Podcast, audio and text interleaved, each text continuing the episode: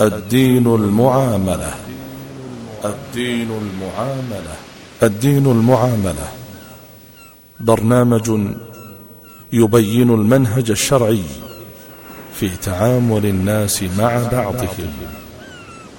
البرنامج من إعداد وتقديم الشيخ الدكتور عبد العزيز بن فوزان الفوزان.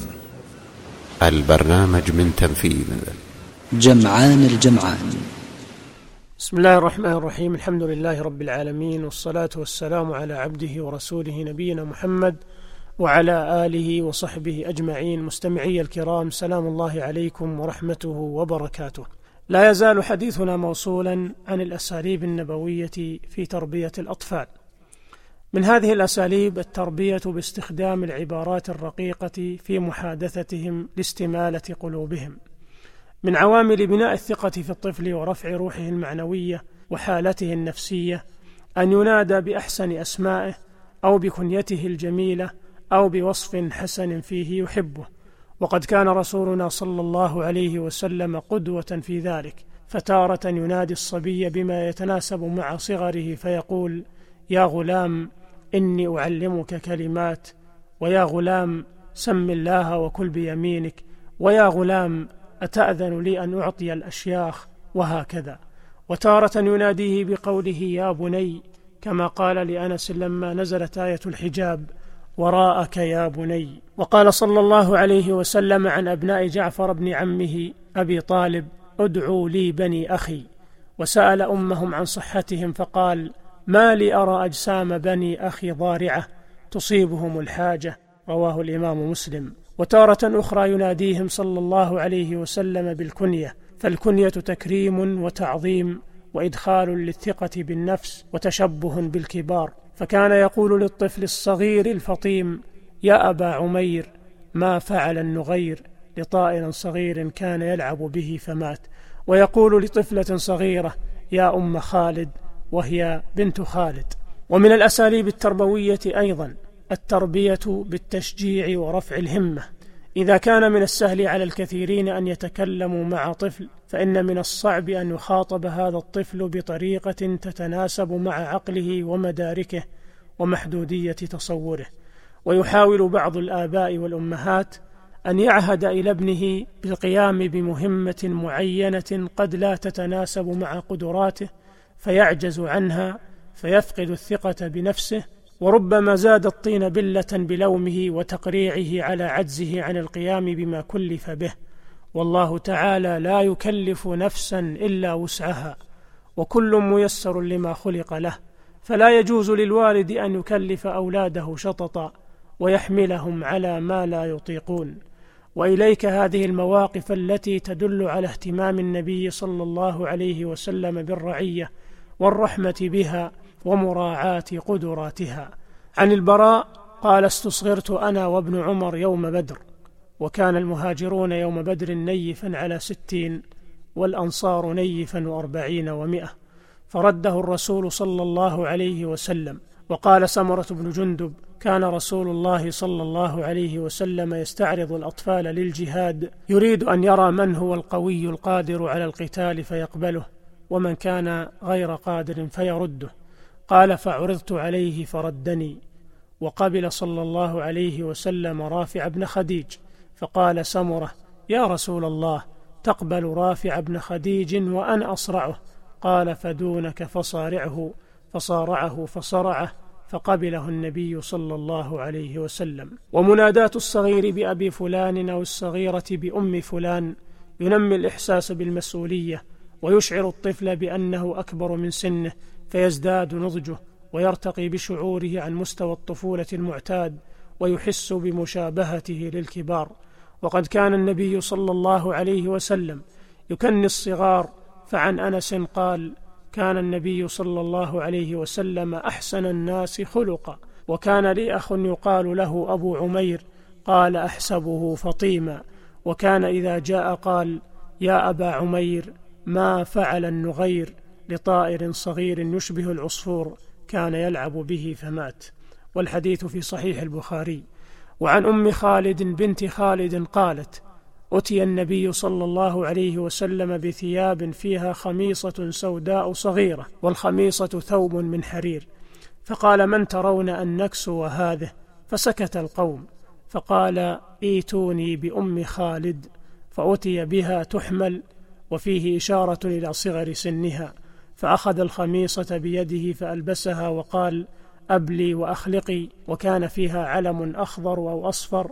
فقال يا أم خالد هذا سناه وسناه بالحبشية معناه حسن والحديث في صحيح البخاري. وفي رواية له فجعل ينظر إلى علم الخميصة ويشير بيده إلي ويقول يا أم خالد هذا سنع وهذا عمرو بن سلمة كما في صحيح البخاري أيضا.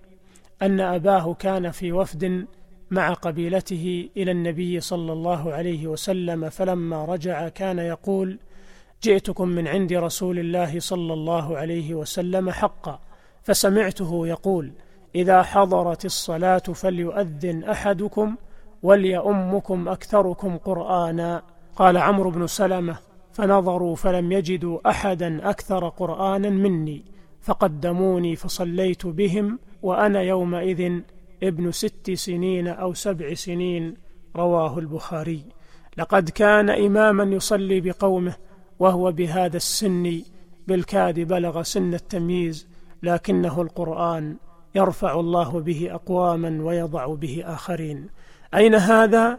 من أناس يدخلون المسجد متأخرين فيرون بعض الأطفال في السابعة والثامنة والعاشرة وقد قعدوا في الروضة وسبقوا إليها فيخرجونهم من مكانهم ظلما وعدوانا ويؤخرونهم إلى الصف الثاني أو إلى أطراف الصف الأول فينفرونهم من الإتيان إلى المساجد ويبغضونهم بالمصلين ومن في المسجد.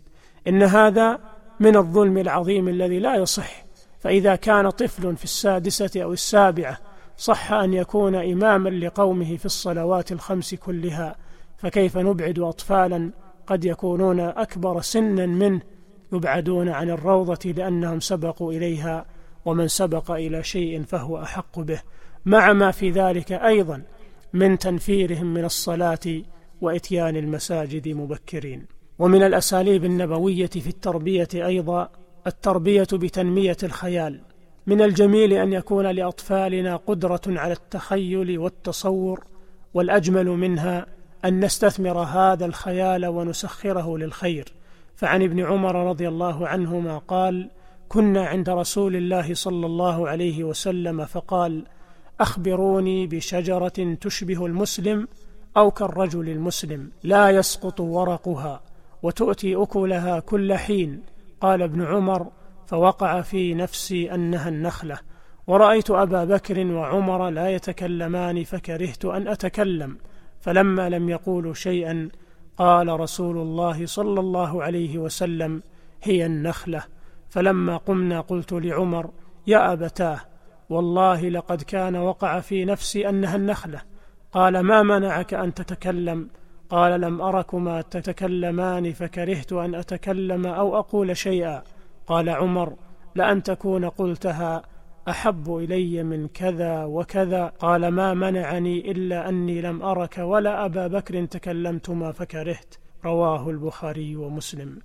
فانظر يا رعاك الله إلى هذا الأدب الجم من هذا الطفل وأين أطفالنا من هذا الموقف؟ لكنها مشكاة النبوة ومدرستها ترعرع وتربى في كنفها. وهذا الأسلوب من الأساليب التي ربى عليها رسول الله صلى الله عليه وسلم أصحابه. كبارا وصغارا يحثنا إلى الاهتمام بهذا الأسلوب المشوق والمحبب للنفوس وبخاصة للأطفال حتى تتوسع مداركهم وتزداد ثقتهم بأنفسهم. ومن الأساليب النبوية في التربية التربية بالتوجيه. إن توجيه الأطفال فن قائم بذاته. وكم يخطئ أطفالنا لكننا لا نحسن توجيههم التوجيه الذي يجعلهم يتقبلونه ويقتنعون به بصدر رحب وشعور بالفضل والامتنان لمن وجههم. تأمل هذا التوجيه النبوي لربيبه عمر بن أبي سلمة رضي الله عنه. فقد روى البخاري ومسلم عن عمر بن أبي سلمة قال كنت غلاما في حجر رسول الله صلى الله عليه وسلم يعني في رعايته وتربيته لأن أمه أم سلمة كانت زوجة النبي صلى الله عليه وسلم. قال وكانت يدي تطيش في الصحفة فقال لي رسول الله صلى الله عليه وسلم يا غلام سم الله وكل بيمينك وكل مما يليك فما زالت تلك طعمتي بعد. وفي رواية لأبي داود والترمذي أدن يا بني وسم الله وكل بيمينك وكل مما يليك. وفي هذا الحديث مواقف تربوية عظيمة منها أولا.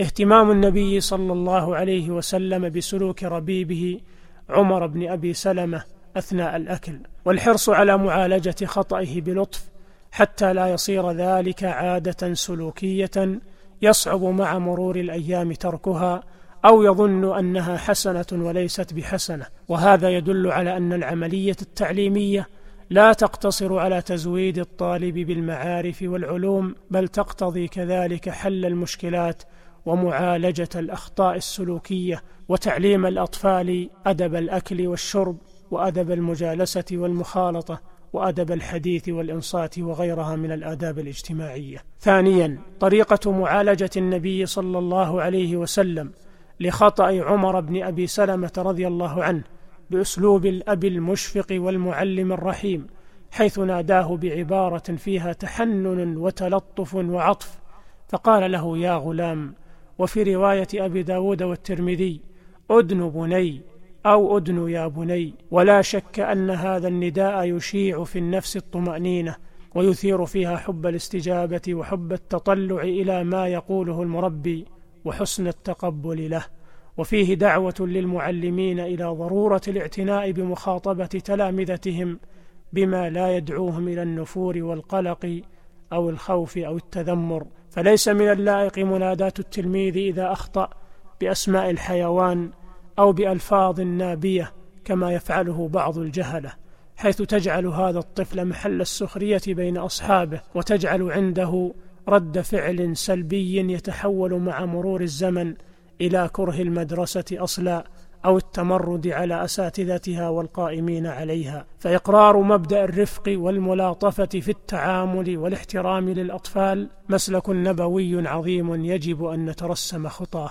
قال صلى الله عليه وسلم إن الله لم يبعثني معنتا ولا متعنتا ولكن بعثني معلما ميسرا. بل كان صلى الله عليه وسلم إذا وجد خطأ من أحد أصحابه أو بعضهم فإنه في الغالب لا يصرح بأسمائهم وإنما يقول ما بال أقوام يفعلون كذا وكذا حتى لا يحرجهم مع أن هذا الفعل منه يحصل به المقصود من معالجة الخطأ وبيان الصواب فيما حصل. ثالثا أن النبي صلى الله عليه وسلم بادر الطفل بالحل مباشرة قائلا له سم الله وكل بيمينك وكل مما يليك ليفهمه بطريق غير مباشر أن ما كان يفعله من الخطأ وأنه يجب تركه. وفي هذا تنبيه للمعلمين إلى ضرورة مراعاة نفوس التلاميذ فلا يعيرونهم بأخطائهم أو يتوسعون في ذكرها أمام التلاميذ بل يجعلون همهم إصلاح الخطأ بأيسر طريق وأنجع سبيل. وإذا رأى الأستاذ أن هذا الخطأ قد يتكرر عند التلاميذ فلا بأس باستعمال أسلوب التعريض ليعم التعرف على المشكلة وأسبابها وسبل معالجتها. رابعا أن تعليمه صلى الله عليه وسلم الطفل آداب الأكل والاهتمام به يدل من باب أولى على ضرورة الاعتناء بالأحكام الشرعية الأخرى التي يحتاج إليها الصبي كثيرا كأحكام الطهارة وآدابها. وأحكام الصلاة وسننها وبر الوالدين وصلة الأرحام والصدق والأمانة وحسن الخلق والإحسان إلى الخلق. خامسا أن تعليم النبي صلى الله عليه وسلم الصغير أن يبدأ ببسم الله في الأكل فيه ربط للصبي بالله تعالى وأن يعتقد الفضل منه سبحانه لا شريك له. لذلك يستحق أن يطاع ويشكر وأن يستعان به في كل الأمور.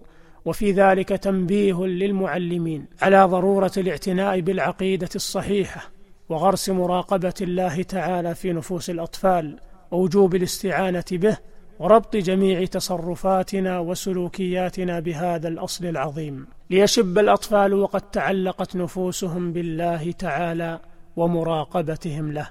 سادسا أن هذا المسلك التعليمي الرفيق الحنون دل على فعاليته ونجاحه وشدة أثره الطيب على هذا الطفل حيث قال عمر بن أبي سلمة رضي الله عنه فما زالت تلك طعمتي بعد فلم يزل متمسكا بهذه الوصية ملتزما بها حتى توفاه الله عز وجل. وللحديث صلة في الحلقة القادمة بإذن الله. أستودعكم الله الذي لا تضيع ودائعه. والسلام عليكم ورحمة الله وبركاته.